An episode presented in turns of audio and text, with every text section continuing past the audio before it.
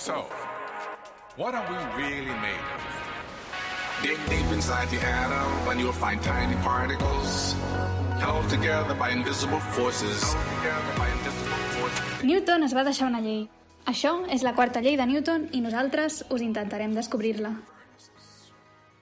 Bé, aquesta setmana comencem una mica diferent. No és que ara fa 5 anys no passés res, però per fer una mica més divertit començaré amb una pregunta rapideta per les nostres estrelles.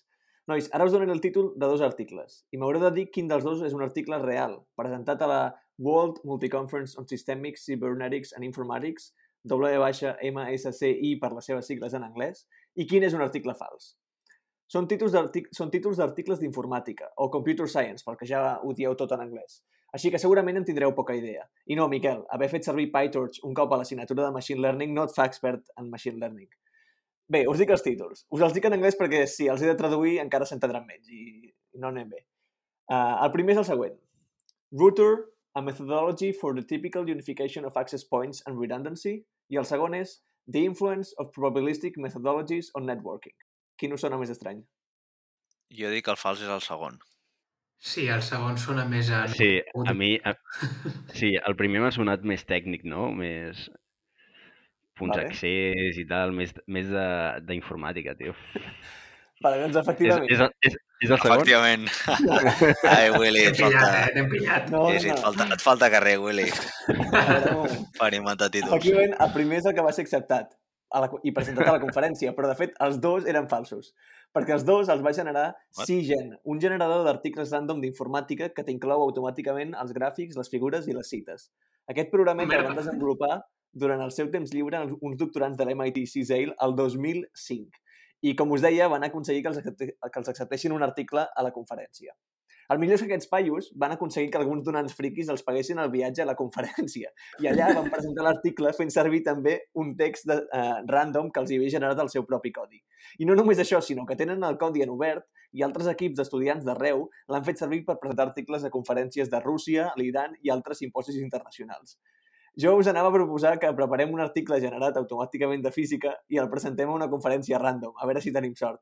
Però potser és una mica arriscat i poseu en, en perill les vostres carreres científiques. No sé què en penseu. Oh, pots, pots estar bé. On voleu anar? Jo, sempre, voleu... he volgut, jo, jo sempre he volgut visitar Uganda. Doncs pues és el millor moment. Sí? És el millor. Podem perquè... Jo no conec cap congrés a Uganda, però ho podem provar. Ah, si ha alguna cosa. Que que és semblant. bueno, quin és el resum? Doncs el resum una mica és que potser en lloc de jugar a pàdel o anar a córrer amb el gosset podríeu estar presentant articles inventats d'alguna alguna conferència sense haver mogut ni un dit. Tot i que també és cert que si féssiu això potser seríeu encara una mica més raros del que ja sou. Ara sí que tor tornant una mica a la concòrdia, serma concòrdia setmanal us faig 5 cèntims del que parlarem avui. Començarem recordant el Costa Concòrdia i ens posarem a la pell dels seus tripulants. El que no farem, però, és el que va fer Francesc, Francesco Schettino, Mare de Déu, amb les llengües ens farem un embolic al final, eh? Uh, Francesco Schettino és el capità del Concòrdia, que quan va veure que havia begut oli i allò s'enfonsava, va ser el primer en fugir cames ajudeu-me als bots salvavides, deixant tots els passatgers a bord. Després de mirar-nos-ho tot des de la perspectiva d'un físic, seguirem el fil dels articles del CIGEN per parlar d'altres fraus escandalosos en ciència. I per acabar, pels que feu la migdiada mirant documentals, acabarem amb la nostra biografia setmanal, la biografia d'un dels duos de científics espanyols més importants de tots els temps, Ramon i Cajal. Un home que va ser el primer en observar com eren les, les neurones i que devia quedar fascinat pel poc ús que en feia molta gent. Miquel, Pau, Gerard, benvinguts a la Quarta Llei.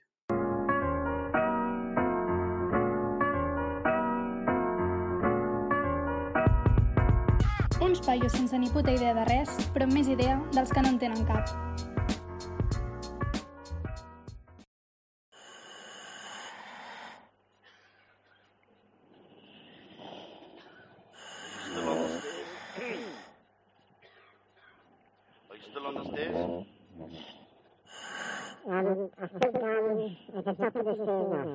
Yes, there's going to be another stair going down to the main level. We're not going to go that way. Okay?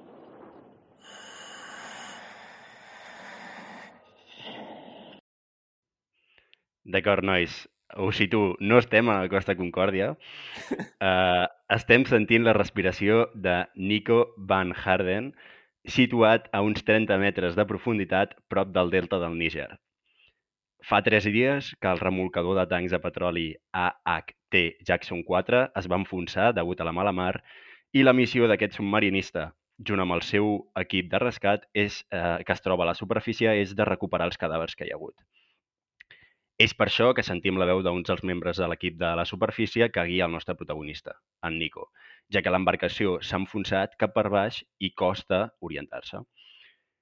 Suposo que us haureu adonat que la veu del submarinista eh, és una mica especial, una veu de barrufet, i sí, existeix en català aquest terme. I això és degut a que respira eh, una, una mescla gasosa d'oxigen i d'heli, una pràctica bastant habitual en immersions amb molta profunditat.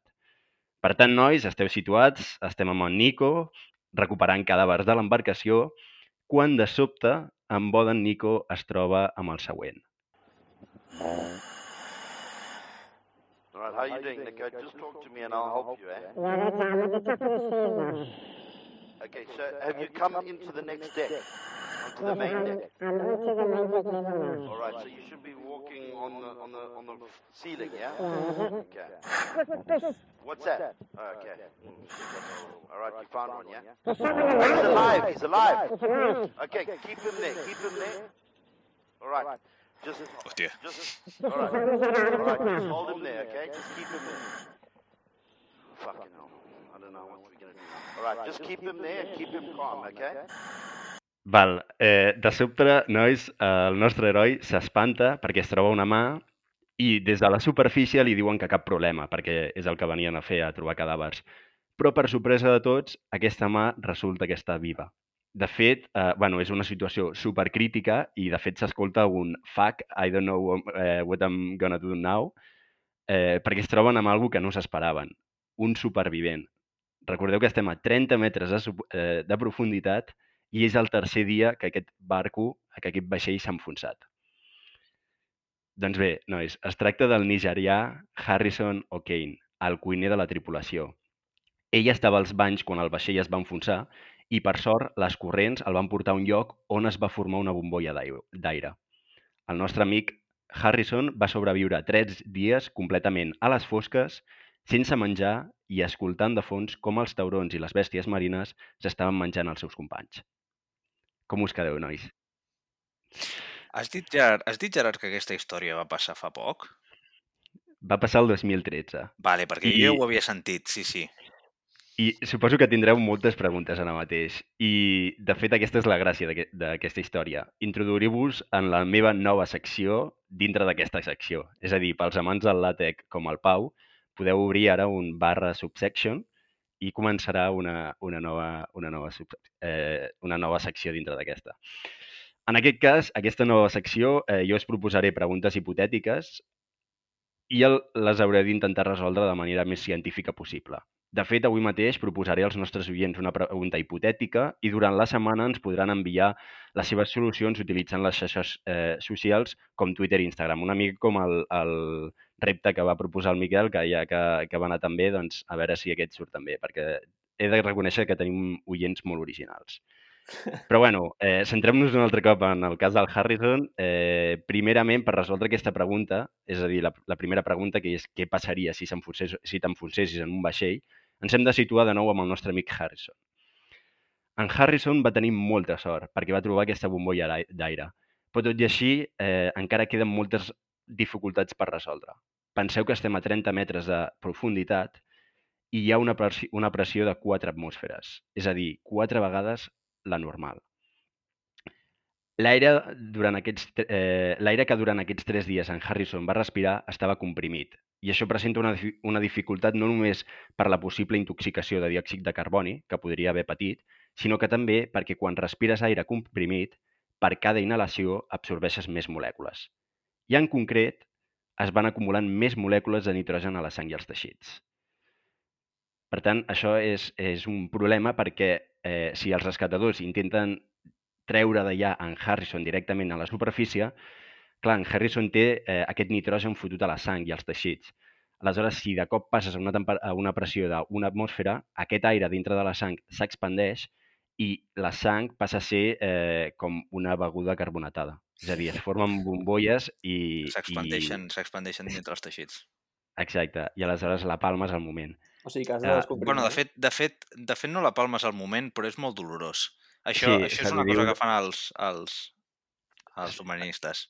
Exacte. T'has d'anar eh, aclimatitzant a, a cada altura i tal, i aleshores has d'anar sortint. Però clar, eh, aquest tio portava 3 dies a 4 atmosferes, o sigui, és moltíssim. Aleshores, de fet, el, el millor que va fer en Harrison d'allà és no sortir d'aquella bombolla, perquè si, si ell mateix hagués pujat cap a la superfície, això l'hagués palmat eh, eh, amb una... Bueno, hagués tingut una mort super, super dolorosa. I, I clar, la pregunta ara és eh, com collons el van treure d'allà? Doncs bé, teniu alguna idea? Teniu alguna, alguna idea de, de com el treus? Perquè penseu que eh, se'l van trobar en, en cas de... eh, Bueno, en, amb símptomes d'hipotèrmia, símptomes d'intoxicació de, de diòxid de carboni, és a dir, l'han de treure ja immediatament. Per tant, no poden fer aix- això que proposa el Pau d'anar-lo climatitzant a, a diverses altures. Aleshores, eh, No ho poden fer? se us acut el... No, no, no poden fer. I no poden fer perquè, perquè de fet, com que també porta tres dies inhalant el- el- l'aire comprimit, pràcticament, o sigui, necessitaríem un temps de, de climatització molt gran. Sí, sí. Molt ens- Sempre es descompre... el- els temps de descompressió són quan surts a les càmeres. La gent que té problemes amb submarinisme, que els han de portar a càmeres de descompressió, s'estan allà hores. Sí. De fet, bueno, el Pau ha donat amb la clau. El que van fer és baixar una càmera de descompressió a 4 atmosferes, una campana seca, que se li diu, fotre el Harrison allà. Aleshores, el Harrison el van pujar, però clar, la campana estava a 4 atmosferes, i el van acoplar en un mòdul on el Harrison va haver de passar uns quants dies. Ostres. I aleshores eh, anaven gradualment eh, baixant la, la pressió fins que ja s'aclimatitza a una atmosfera i aleshores en Harrison ja pot sortir explicant una de les eh, experiències més heavies perquè aquest tio tenia mig peu a l'altre món. Bueno, i a més, el, el tema de... A part de tot això que dius de la pressió, eh, no devia haver-hi llum al vaixell, així que devia Clar, clar, estar tres dies a les estava- fosques. De fet, jo animo a que la gent, eh, perquè el vídeo està, el, el vídeo, perquè tota la retransmissió que, que fotia el Nico està, està a YouTube. Aleshores, jo animo la gent a que vagi a veure aquest vídeo perquè es veu com de cop veuen la mà viva que comença, clar, li dona la mà i de cop veuen que la mà, hòstia, que es mou, no? I aleshores després veuen la cara del tio. I clar, el tio porta tres dies a les fosques que està, està flipant. I, bueno, és, és molt heavy. O sigui, és un dels casos de supervivència més, més heavies que, que he escoltat mai. I, i de fet, de fet, aquesta pregunta, ta- o sigui, això també porta molta cua perquè i s'han donat bastants casos també de gent que s'ha fotut, o sigui, que s'ha precipitat de- d'un penya-segat amb el cotxe i aleshores el cotxe s'ha fotut, s'ha format una, una bombolla d'aire. Aleshores, clar, aquest cotxe, eh, la gent ha intentat... bueno, el cotxe s'ha enfonsat, posa-li uns 10 metres, 12 o així, i la gent, clar, eh, en un intent d'intentar sortir d'allà, el que fan és agafar aire fort del cotxe, de la bombolla, i aleshores intenten sortir. Clar, quan, quan arriben a la superfície, tot l'aire que han fotut de la força amb la boca i tal, allò, pa, peta tot el pulmó i, i, i bueno, eh, s'acaben morint. O sigui que sí, ja sabeu una cosa més. Bueno, aquí, aquí sí, la, qüestió està en, en el que dius tu, eh, que les molècules d'aire, tu quan insufles i estàs més a baix, com agafes més molècules, quan tires cap amunt es descomprimeix, aleshores el que abans era una bombolla petitona, com Clar. jo, jo que sé, posa-li del tamany del teu puny, al final pot acabar sent del tamany, jo que sé, de, de, de no sé, d'una maleta gran, per dir alguna Sí. cosa. No Sí, sí, sí. rebentant per dins. Exacte, i et rebenta, et rebenta per dins. I, i, bueno, i s'han donat casos. I deixeu-me presentar, doncs, la, la nova, perquè aquesta modo d'introducció és, és, era la primera pregunta. Deixeu-me proposar-vos la següent pregunta que els nostres oients, repeteixo, podran participar durant aquesta setmana, contestant al post d'Instagram o Twitter que farem. I aquesta pregunta diu així. Si tota la població mundial estigués allunyada els uns dels altres durant dues setmanes, acabaríem erradicant el virus de la Covid eh, o, per exemple, de la grip? I què passaria si realment l'acabaríem erradicant? Logísticament, què s'hauria de fer? Perquè, clar, cadascuna de les 7,8 bilions de persones que, que hi ha en aquest món, Mil milions, Gerard, parla bé, home.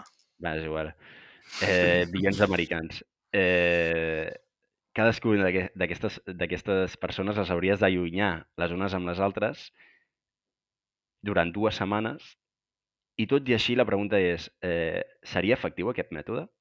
Perquè jo crec que eh, no us ho he proposat, o sigui, jo alguna vegada m'ho he proposat, he dit, o sigui, a les aïlles a cadascuna, a tothom, dues setmanes, i bueno, en teoria acabes no només amb el virus de, de la Covid, sinó amb la grip, també podries acabar, amb, amb diversos virus. Bueno, Què us eh, sembla a vosaltres? No, no acabes, segur que no acabes, vull dir. Segur que no acabes, aquesta és la No. teva, la teva Sí. d'allò. Jo, jo tampoc crec que... Però com ho justifiques? Però Mm, perquè no només, jo- viuen, només viuen les persones, el virus aquest. Vale, sí, aquesta és l'altra cosa que hem d'assumir. Assumim que, eh, que en els animals, o sigui, que no es pot transmetre per, en, en animals ni res de tot O això. sigui que només estem persones en el món i estem separades les unes de les Sí. altres. Exacte. Jo, jo em pensava que, a que, que la variable seria si hi ha àrea suficient de terra en el, en el nostre món per tal de separar les Sí, Miquel, és un món Eh, infinit. Miquel, Eh, no, no, no, no, no, no, no. al El la Miquel, el Miquel ha donat amb una de les primeres claus és Sí. hi ha espai suficient en aquest món per uh, separar durant tant de temps uh, la gent i Home, això doncs, deixem És que no obert. només ho has de mirar en superfície, també pots mirar... O sigui, no Sí. només està la superfície de tothom visquint en una casa d'un pis, pots tenir molts pisos, per tant, si tens cases com vulguis... I a quina distància has de separar les persones? Això no ho has dit. Però bueno, assumim... Gerard, assumim eh, que- el, el problema falten, falten moltes dades, eh? Ara, Pau, Bueno, Bionumbers. Bionumbers, bionumbers. Vale. Eh, Fem una crida al, Daniel, al Daniel López Codina i la Clara Pérez perquè ens responguin a, a, a Sí, estaria bé, estaria bé. Va, a veure, o sigui, pot semblar una, una pregunta estúpida i de fet totes les preguntes que, que fotré en aquesta secció són estúpides, però es tracta d'això, de a preguntes estúpides intentar-les resoldre el més científicament eh, seriós possible. Vale? Perfecte. Uh, doncs Diuen això és una de les no- claus. Però un moment, Assumirem... aleshores Ah, no, no m'ha quedat clar. A quina distància hem d'estar? Uh, dos metres, posem, Mike? O sigui, com a mínim dos metres. 5 Posem, metres, 5 exemple. metres, posa 5. Va, cinc metres. Per, cinc per metres, és assegurar. O, igual. o, o 100. No. Vaja. 5 metres i ja està, rotllo. 5 metres no et contagia Cinc res, no? metres. Mira, una altra pregunta que poden fer derivada d'aquesta és, és uh, quants metres eh, seria el límit que ens dona la Distància superfície òptima. de la, sí, de la, de, de la Terra i, uh, i això, eh? assumim, as, assumim que els nivells, o sigui, que, que les altures eh, en comparació amb la... su- O sigui, no, no poses a construir ara una segona superfície que envolti a una altra altura eh, tota la Terra, val? I assumim que tots els edificis que hi ha en comparació amb tota la superfície, doncs, eh, realment no, no és significatiu, val? Assumim això. I a veure què troba la gent. I, bueno, no sé, no donem més pistes perquè això es tracta de que, de que els nostres oients eh, siguin el més originals possibles eh, i, bueno, intentin, intentin pensar. Jo crec que és una pregunta oberta que pot ser, pot ser guai. La setmana que ve, què serà? L'ascensor que vagi fins al centre de la Terra i, i vagi fent... Exacte. Moviment oscil·latori. O, si, tothom, si tothom salta a la vegada, què passa? Una cosa així. Jo, jo pensava que anaves a dir això, eh, t'ho juro. Pensava que anaves a dir de saltar a la vegada. Va, va, em proposo, bueno, potser inclús per donar-li més, més d'allò al, a l'Instagram podem fer històries en plan de quina, que la gent voti, no? En plan, quina, quina pregunta li sembla més adient i tal. I després jo faré el que em surti dels collons, lògicament, però, però bueno, clar. Però quina pregunta t'agradaria que sortís? Perfecte. Nois, després el que jo... El... Digues, sí. digues, Gerard.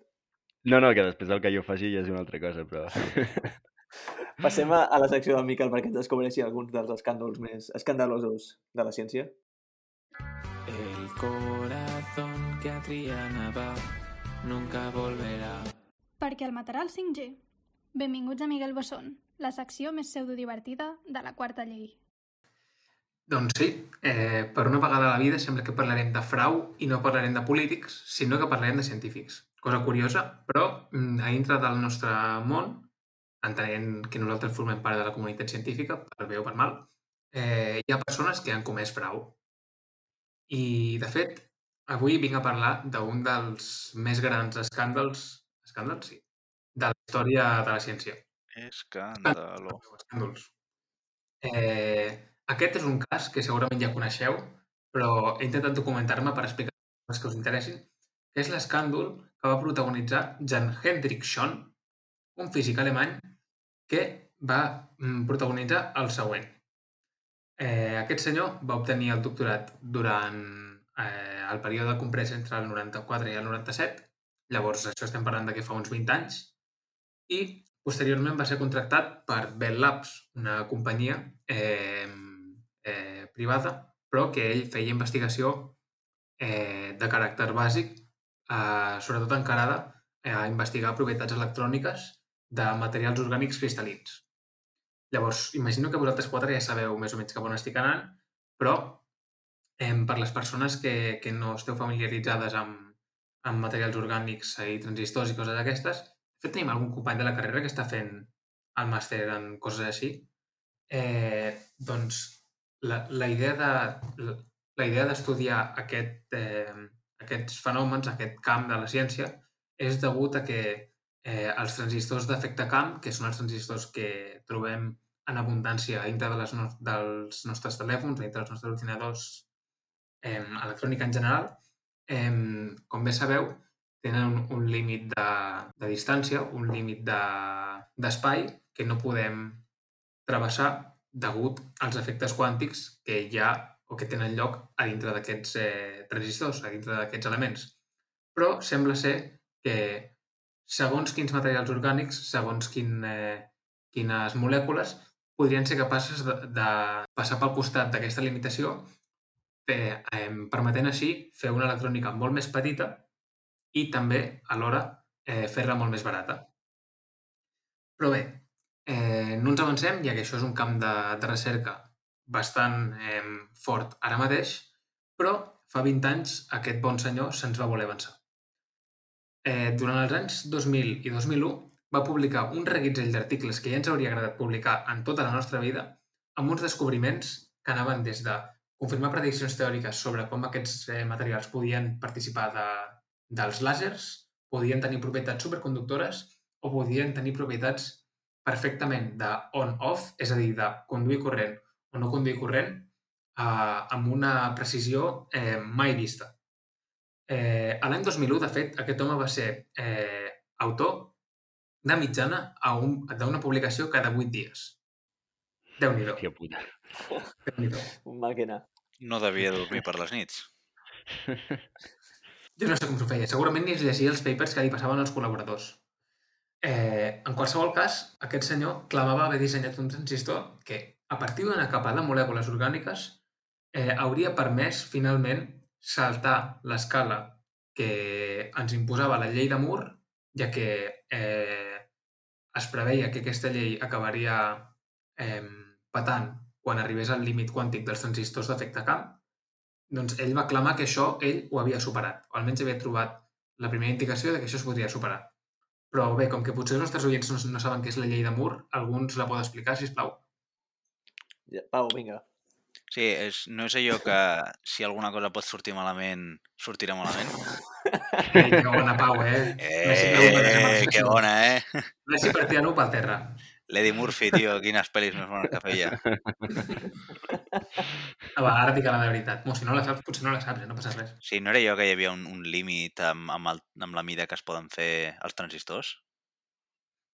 Mm, jo crec que més o menys la llei de Moore, reconec que aquesta no me l'he mirat, però eh, volia dir que cada any la Ah, densitat veritat, sí, sí. transistors a dintre d'un xip eh, es duplicava cada any, però que aquest ritme de duplicació i de duplicació no seria, eh, o sigui, no es podria mantenir in eternum degut a, a aquest efecte quàntic que hi hauria dintre d'aquests eh, elements. Llavors, això hauria pogut ser superat amb aquests transistors que va idear o construir el senyor Sean, però que finalment es van acabar descobrint que eren mentida. M'explico. Hòstia. Aquest home, entre els anys 2000 i 2001, va publicar com a primer autor 16 publicacions a Nature i Science. Sí. Nature i Science són les revistes de, del cor si la ciència fos televisió. Però eh, bé ens agradaria publicar-hi, eh? No ens enganyarem. Llavors, sí, sí, 16 articles més molts altres articles en altres revistes de factors d'impacte molt elevats. Algunes persones van començar a investigar si aquest home realment estava fent eh, algun tipus de frau o si estava realment enganyant-nos o no. I, concretament, dues dones de la, una universitat de Texas, Julia Su i Lynn, Lynn Lo, van descobrir per accident que Sean havia copiat figures d'una patent. Això va portar als primers dubtes envers els seus descobriments que més endavant una altra investigadora, eh, Lydia Son, de la Universitat de Princeton, va adonar-se que dos experiments de Sean a diferents temperatures contenien exactament el mateix soroll. La revista que havia publicat el seu estudi eh, li va demanar explicacions i ell va respondre Hòstia. això dient que, bueno, que havia sigut un error humà, que havia enviat el mateix gràfic de so que havia de Déu. Hòstia, hòstia, però espera't, és que... Però la tia s'hi va fixar moltíssim, no? En plan, no, no, és que això, això és el soroll... Perquè això t'anava a dir una cosa, vull dir, així com en altres eh, ambients, eh, per exemple, si te'n vas a ADE o te'n vas a Econòmiques, on un tio comença a fer moltes empreses, dius, aquest pau està blanquejant, o sigui, ningú, ningú dona un puto duro per aquest tio, o sigui, és impossible que aquest tio sigui el geni. En canvi, a ciència és al revés. Quan un tio comença a publicar moltes coses, tothom li fot, hòstia, hòstia, ojo, eh, que aquest és el nou Einstein de, de, de la pel·lícula. I, Sí, sí. o sigui, perquè sorprèn que eh, revistes del prestigi de Nature i de, de, de Science, tio, eh, no mirin una mica, o sigui, els resultats, i més si aquests resultats, perquè al final, clar, si són experimentals, bueno, tampoc poden dir res, però el soroll, tio, o sigui... Però a més a més, em aquesta sembla- dona, quan, quan ho va mirar això del soroll, que ho va mirar amb les figures només? O li van passar les dades? Per què? Eh, no en sé els detalls, la veritat, però segurament les dades no li van passar perquè, com us explicaré més endavant, aquestes dades no hi eren. Si poses una figura sobre de l'altra, en principi es, es pot veure si, si coincideixen exactament, no? Va, però molt, No, és no, molt però sí, sí. aproximat, no? Veure-ho, sí. És a dir, Sí, sí, sí. jo suposo que la tia va dir aquestes dues figures s'assemblen moltíssim. Eh, No, no, però sí, i de fet una de les coses que jo he descobert de, de doctorat és que moltes de les dades que es treuen d'altres papers no els hi demanes als autors, perquè moltes vegades estan picats entre ells. Ja, El que fas és, agafes programes de, en plan, els, els eixos estan aquí, calibres els eixos i a partir d'aquí trobes els punts exactes, però fent-ho tu a la teva manera, saps? O sigui, que, Ja, ja. que és possible. Agrada explicant com no hauria de ser el món de la ciència. A més, aquest, aquest son em recorda a alguns de nosaltres alguna pràctica de, de la alguns de nosaltres, desgraciat. Alguns de nosaltres, diu. Joder. Guillem, Guillem, Cree el ladrón que todos son de su condición. Diu va. que serà per final de la secció, Ara, hòstia. Serà desgraciat, Ah, diu aquest. Decidim obrir el meló de, No, no, de, de això després. falsificació de, de dates de La hòstia, el Willy, que diu. Joder. Eh, De, perdó, si- perdó, sisplau, Mike. Deixem, sí, sí, deixem avançar. d'acord? Segueix, segueix. Quins, quins huevos més gordos, eh, tens, Willy, tio. Llavors, eh, el problema, eh, torno a parlar del senyor eh, Sean, era que cap laboratori del món va ser capaç de reproduir els resultats que ell publicava. Llavors, eh, els, que és la, la comunitat científica més estreta dubtava de si el que realment estava publicant aquest home era cert o no. Però clar, havent publicat a les revistes en les que havia publicat era complicat portar la contrària. El que va passar és que, mm, degut a, aquest, degut a aquests indicis, eh, les revistes que havien publicat els seus articles li van demanar que ensenyés les dades experimentals que hi havia darrere d'aquests eh, articles. Resulta que aquest bon home havia llançat totes les llibretes del laboratori, cosa que, per cert, eh, vosaltres que no treballeu en laboratori no ho sabeu, però és l'última cosa que s'ha de fer del món. La llibreta de laboratori no s'ha de llançar. De fet, són... Ah. almenys en Ah, que món- treballeu amb llibretes. Miquel Rius. no. No. Bé. El que passa és que són unes llibretes que estan cosides perquè es vegi si algú ha arrencat una pàgina. Justament perquè estigui claríssim i perquè hi hagi un registre de tot el que s'ha fet cada dia, en el meu cas, quina concentració s'ha utilitzat a cada producte, com ho he seguit, etc etc. Que ho apunti no després és una altra cosa, però eh, aquesta és la idea. Llavors, això de llançar les llibretes és el que no s'ha de fer mai. Però, si encara us sembla que aquesta excusa no era prou bona, va dir que havia eliminat tots els seus eh, fitxers de dades al·legant que el seu ordinador tenia un disc dur limitat. Déu-n'hi-do com els tenia d'haver posat aquest home per assegurar això i quedar-se tan panxo. Moment, és, vull dir, segur que tenia el MATLAB que li, que li, cruix, li cruixia ja tota la memòria i va dir, hòstia, hòstia, abans que MATLAB va, esborro la, les dades. Perquè, Sí. no sé, gua- guardar un disc dur amb tot el que has publicat tampoc és... O sigui, Mike, m'estàs dient que jo, que porto 10 anys sobrevisquent amb 2 gigas i encara guardo els eh, codis de mètodes numèrics 1, sóc capaç de guardar-los i aquest tio amb, amb els terabytes de, de disc durs que tenia no, no va ser capaç de, de guardar-los. Quina Quin vergonya. any era això, Miquel? Això estem parlant del del 2001-2002. És a dir, una persona Ah, que ha publicat en els últims dos anys eh, 16 cops a Nature i Science no va ser capaç de comprar un disc dur a part per guardar les seves dades. Però bé, No, i que estava, que estava a Alemanya, que segur que tenia pasta per comprar-se... no, no, Lo hizo un mago. la tenia de sobres. La tenia de sobres. El que, el que es veu, a més, per més Inri, és que es va descobrir que alguns dels seus gràfics venien dibuixats de funcions matemàtiques i no de mesures. És a dir, que el tio havia mirat una miqueta què havia de donar i ho va posar. Des del meu punt de vista, si el tio hagués participat al fitting de la quarta llei, segur. Hauria Potser guanyat, tenim seguríssim. alguns dels oients, potser és el, el proper Sean, també. Vaya crack, Sí, sí, sí, sí. Hòstia, però No diré noms, Aquí... I no per què no es va retirar el pavo? no, sé, no sé. Bé, Com el eh, Guardiola, no? Que quan estava de tot...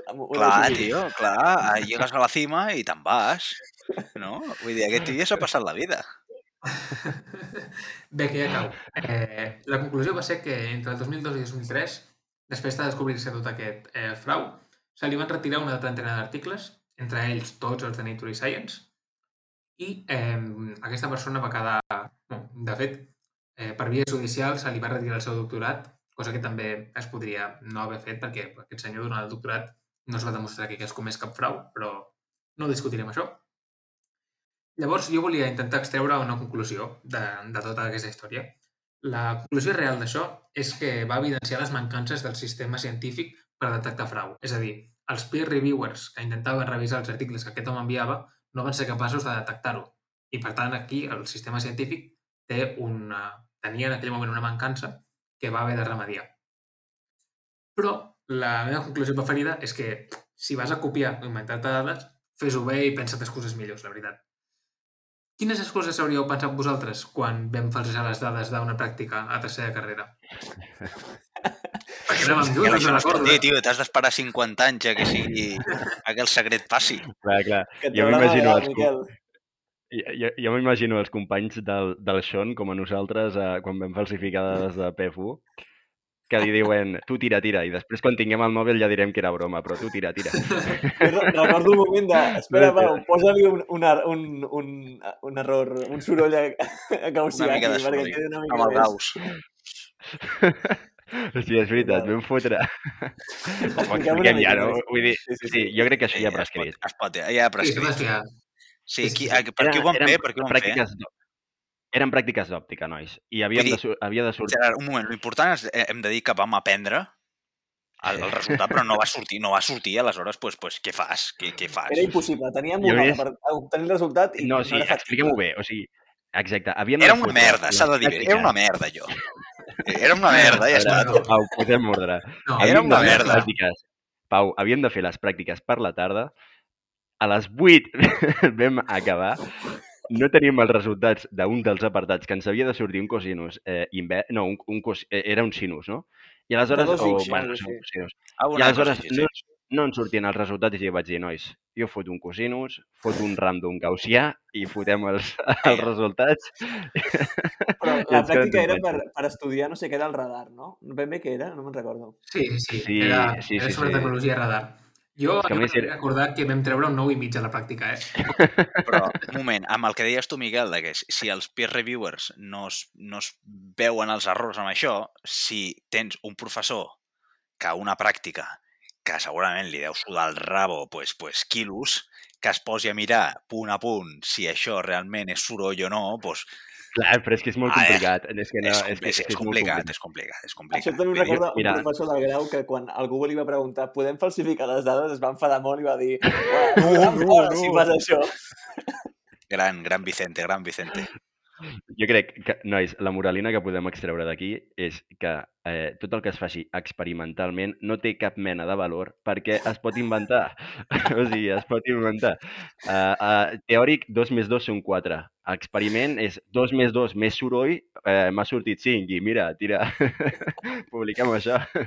De nou. Gerard, el Gerard explicant com no és el món de la ciència. No li feu cas. Nois, passem a parlar d'algú que esperem que no inventés els resultats i de fet no els va inventar i gràcies a ell vam arribar, hem arribat on hem arribat, Pau.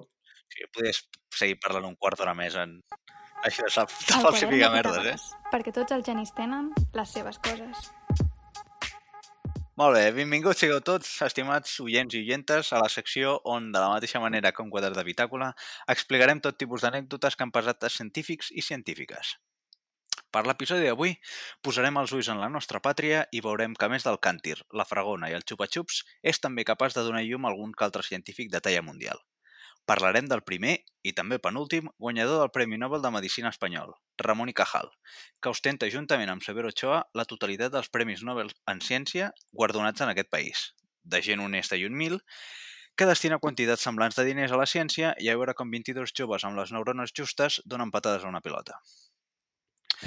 Us aviso també que recitaré algunes cites seves a mode d'audiollibre que he trobat especialment rellevants. I és que, maleït sia, el castellà antic sona to flama. Tot va començar el 1852 al poble de Petilla d'Aragón, que evidentment doncs, es troba a Navarra. De fet, de fet, de fet és que es troba en un territori navarrès conf confinat a Aragó, d'allò que a vegades veus en un mapa i penses per què feu això? La llívia d'Aragó, no? Ah, exacte, això mateix. Que, per, què? Això no és necessari. En fi, aquella hi naixeria Santiago Felipe Ramón y Cajal, fill d'una teixidora i d'un tio una mica curiós també. El pare, Justo Ramon, havia estat un pastor analfabet fins que als 16 anys va aprendre a llegir i escriure i solet. A partir d'aquí i amb molta paciència va començar a pujar per l'escala sanitària d'aleshores, sent primerament barber.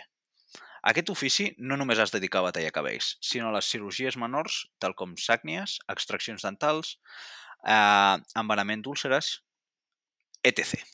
Era el metge dels pobres, vaja. Doncs el paio va arribar a ser catedràtic de Medicina a Saragossa. I és aquest caràcter dur i la força de voluntat que també van dur el seu fill Santiago a tenir èxit en el camp. Bueno, la veritat és que no es pot dir que Ramon y Cajal fos un estudiant exemplar. Tot i tenir una certa predilecció pel dibuix, la seva naturalesa trapella el duia sovint a tenir problemes, normalment barallant-se amb companys a cop de puny i pedrades i donant molt mal de caps als seus pares.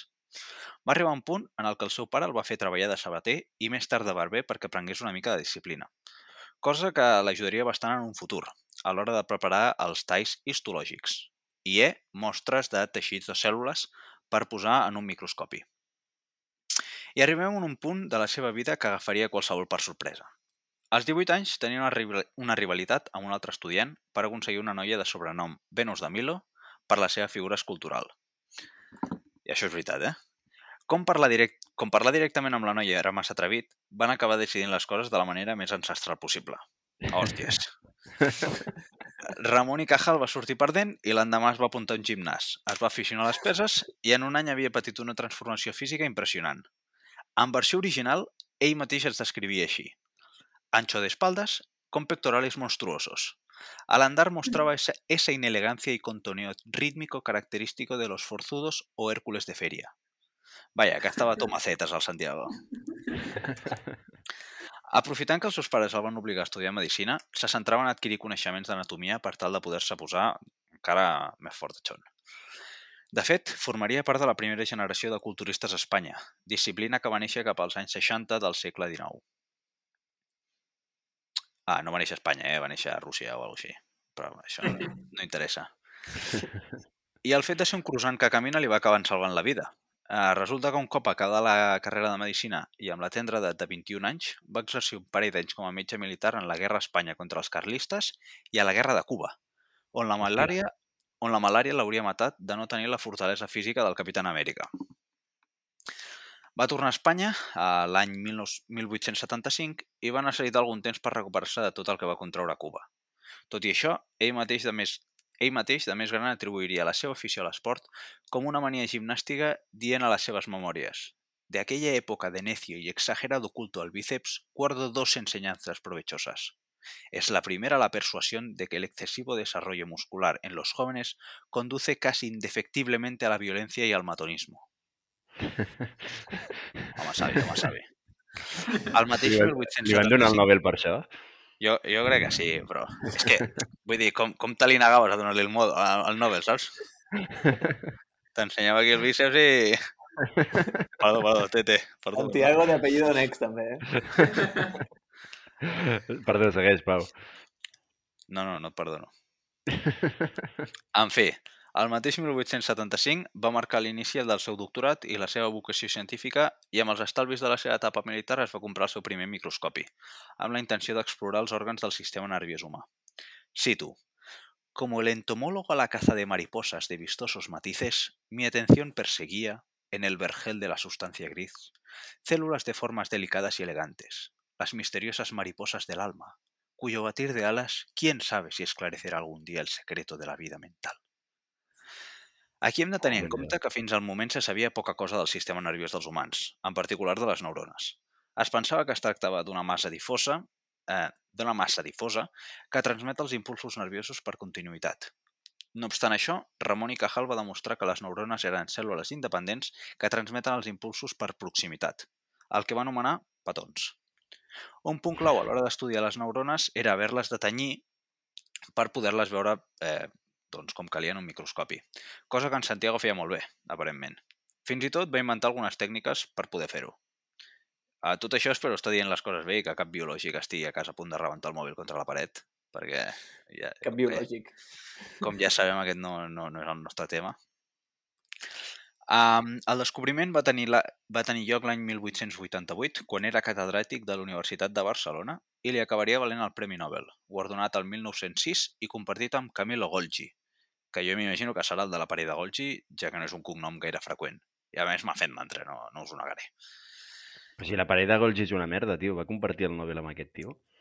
Sí, es veu que eren, que eren molt enemics, he llegit. I Ah, sí? que, sí, sí, que, que, que, que, bueno, que, sí, que no s'estimaven. En fi, a ningú li importa el Golgi aquest. Sí. Uh, també es passaria a anomenar Ramon i Cajal com el pare de la neurociència. Sí que és cert que va costar una mica que se'l prenguessin seriosament. El 1889 va anar a una reunió de la Societat Anatòmica Alemanya on, el, on van passar una mica d'ell. Aquí va treure el seu geni i amb els seus vicis antològics va agafar el més important dels històlegs alemanys i el va obligar a mirar pel microscopi. D'ençà va ser, va ser un científic de reputació mundial. Però la seva fama trigaria encara alguns anys en estendre's per Espanya, cosa que passaria cap al 1900. Som lentets en tot, es veuen. Respecte al Premi Nobel, Ortega i Gasset diria anys més tard que és una vergonya guanyar-ne un que no sigui en literatura, sent l'excepció als únics que ha guanyat el país del jabón i la siesta. Tanta enveja li devia haver generat una bona úlcera al pobre, que recordeu que no ha guanyat cap Nobel. D'altra banda, Severo Ochoa mantenia que si als anys 60 la investigació en biologia a Espanya era pobra, sense Ramon i Cajal hauria estat nula. Petit parèntesi aquí. El nostre compatriota Àngel Guimarà ha estat nominat 15 vegades al Nobel de Literatura, més que cap espanyol a la història, i evidentment no va guanyar-lo mai. I, de fet, les curiositats que tenen els Nobels són ben esperpèntiques. Ja us en donaré més quan eh, faci personatges que n'hagin guanyat algun. Però va, un altre que us quedeu amb ganes, si no. El físic Arnold Sommerfeld va ser nominat fins a 84 vegades al Nobel de Física. Caga't lorito. I no va aconseguir-lo, no? Entenc. Um, sembla que sí. Crec que sí el va aconseguir un cop. Però vaja, lo important és que el van nominar 84 vegades, tio. Però això vol dir que el devien nominar, dos cops al mateix any, en algun moment o altre. Sí, sí, m'he mirat, com, com, m'he m'he mirat una mica per sobre com van això de les nominacions als Nobels i no et pots nominar a tu mateix perquè si no el, el teu amic alemany ja n'hagués guanyat 10. Però eh, t'ha de nominar una altra persona i fins al cap de 50 anys no es pot saber qui t'ha nominat. Així que suposo que devia rebre nom- nominacions pues, de tot arreu. Del papi, de la mami, de, del cosí, del cunyau, del barber, de, jo què sé. Del barber, però si era ell del barber, no? El barber. No, Ah, no, el, el el Sommerfeld no. Ja hem centrat, sí, sí. hòstia. Vinga. Bé, des d'aleshores i fins la seva mort el 1934, Ramon i Cajal seguiria sent devot a la seva feina d'investigador i professor. Respecte a aquesta última, en Santiago tenia uns gustos peculiars amb els seus alumnes, ja que els preferia com havia estat ell, indisciplinats, romàntics, inquiets i crítics. Ell mateix deia, ojo amb aquestes paraules, harto más merecedores de predilección para el maestro avisado serán aquellos discípulos un tanto indómitos, desdeñosos de los primeros lugares, insensibles al estímulo de la vanidad que, dotados de rica e inquieta fantasía, gastan el sobrante de su actividad en la literatura, el dibujo, la filosofía y todos los deportes del espíritu y del cuerpo. I això és tot, estimades amics i amics. Per acabar, m'agradaria fer una una breu reflexió vagament lligada al pensament de Ramon i Cajal al respecte de l'educació. Soc honest dient que no fa molt jo era dels que es preguntava si Ramon i Cajal eren una o dues persones, el que em fa pensar que molta més gent no deu mm, segurament ni saber de qui es tracta. Aleshores, no trobeu que, d'entre moltes altres coses, una bona ensenyança en història hauria de tenir en compte persones rellevants en tots els àmbits, ja siguin polítics, militars, científics o literaris? Ens hauran fregit el cap a batalles, però s'explica al col·legi qui va ser Santiago Ramon i Cajal? Eh, I dic aquest i no la resta perquè aquest és, és de la Terra i a nosaltres ens expliquen coses de la Terra. Sí, a mi m'agradaria afegir eh, en aquesta reflexió que no només no s'ensenya, sinó que no es valora eh, la, la història de... O sigui, el, el, el reconeixement a, a Ramon i Cajal i, entre altres coses, eh, crec recordar que fa poc, fa pocs anys, ens van trobar en, en cants de, de Madrid llibres propis de Ramon i Cajal que el museu de Ramon i Cajal no, no... O sigui, clar, és que no, no existeix. O sigui, el govern no va, no va facilitar un museu de Ramon i Cajal i aleshores tot, tot el que es guardava d'aquest bon home al Sí, final es va, es va acabar malvenent i Ah, hi havia gent sí, que inclús podies trobar el maletí oficial que utilitzava, no sé què, bueno, moltes coses. O sigui que, que també, en aquest aspecte, a sobre, eh, som, seguim sent una vergonya. Sí. Jo trobo que la història del, del Ramon i Cajal, a més a més, és una història que, o sigui, que pot ser com molt, molt relatable pels, pe- pels, pels joves. Vull dir, una persona que anava al gimnàs i feia tot això i que va acabar sent un gran científic és una persona amb la qual et pots sentir identificat i que pot despertar vocacions i fer-te creure que realment pots fer coses que si no potser penses que no són per tu, saps? Sí. I Sí, sí. I que potser eh, el, i agafeu amb, amb moltes cometes, de fet amb infinites cometes, científic de qui més se'ns parla a la primària, per exemple, el més que jo recordi, és Thomas Edison, que ja em direu tu quin científic aquest bon home. És a dir, Ja. realment expliquen... Eh, bé, jo, jo, jo no sé quin criteri segueixen, la veritat. Sí, decidir. És a dir, és a dir jo, jo us deia més guiat amb, amb rotllo, la història que fem al batxillerat, que ens expliquen la història més eh, moderna d'Espanya. Eh, també fem literatura, que ens expliquen pues, un munt d'au- d'autors. Que també la literatura només està enfocada en, en, en el que és eh, rotllo, literatura, no t'expliquen cine, no t'expliquen altres mogudes de l'art, escultura o, o, o pintura, saps? Però eh, la història, eh, els noms que surten són polítics, són noms militars i científics. És que, no sé, estava mirant Sí. aquesta tarda noms científics espanyols. Es veu que va haver-hi un, un tal Bl- Blas Cabrera, un físic, no sé si us sona, No. no? Pues era un físic espanyol que també es veu que era el puto amo i que es va haver de, durant la guerra es va haver de- d'exiliar i va acabar morint fora. Però no, no, aquestes coses no, no se li dona importància i no, no entenc per què. O el Ramon Margalef, per exemple. També una màquina de l'ecologia. Eh, eh, és que després també ens estranyem, però que, que això no sigui un dels, de, de les causes que al final fa que tot el que sigui ciència eh, ens caigui molt lluny o que si haguem de buscar referents els haguem de buscar fora i, per tant, tot el que envolta Sí, sí. la ciència ens cau super llu- lluny. O sigui, com si no anés a nosaltres. Clar, perquè tampoc tens exemples aquí a prop, dius...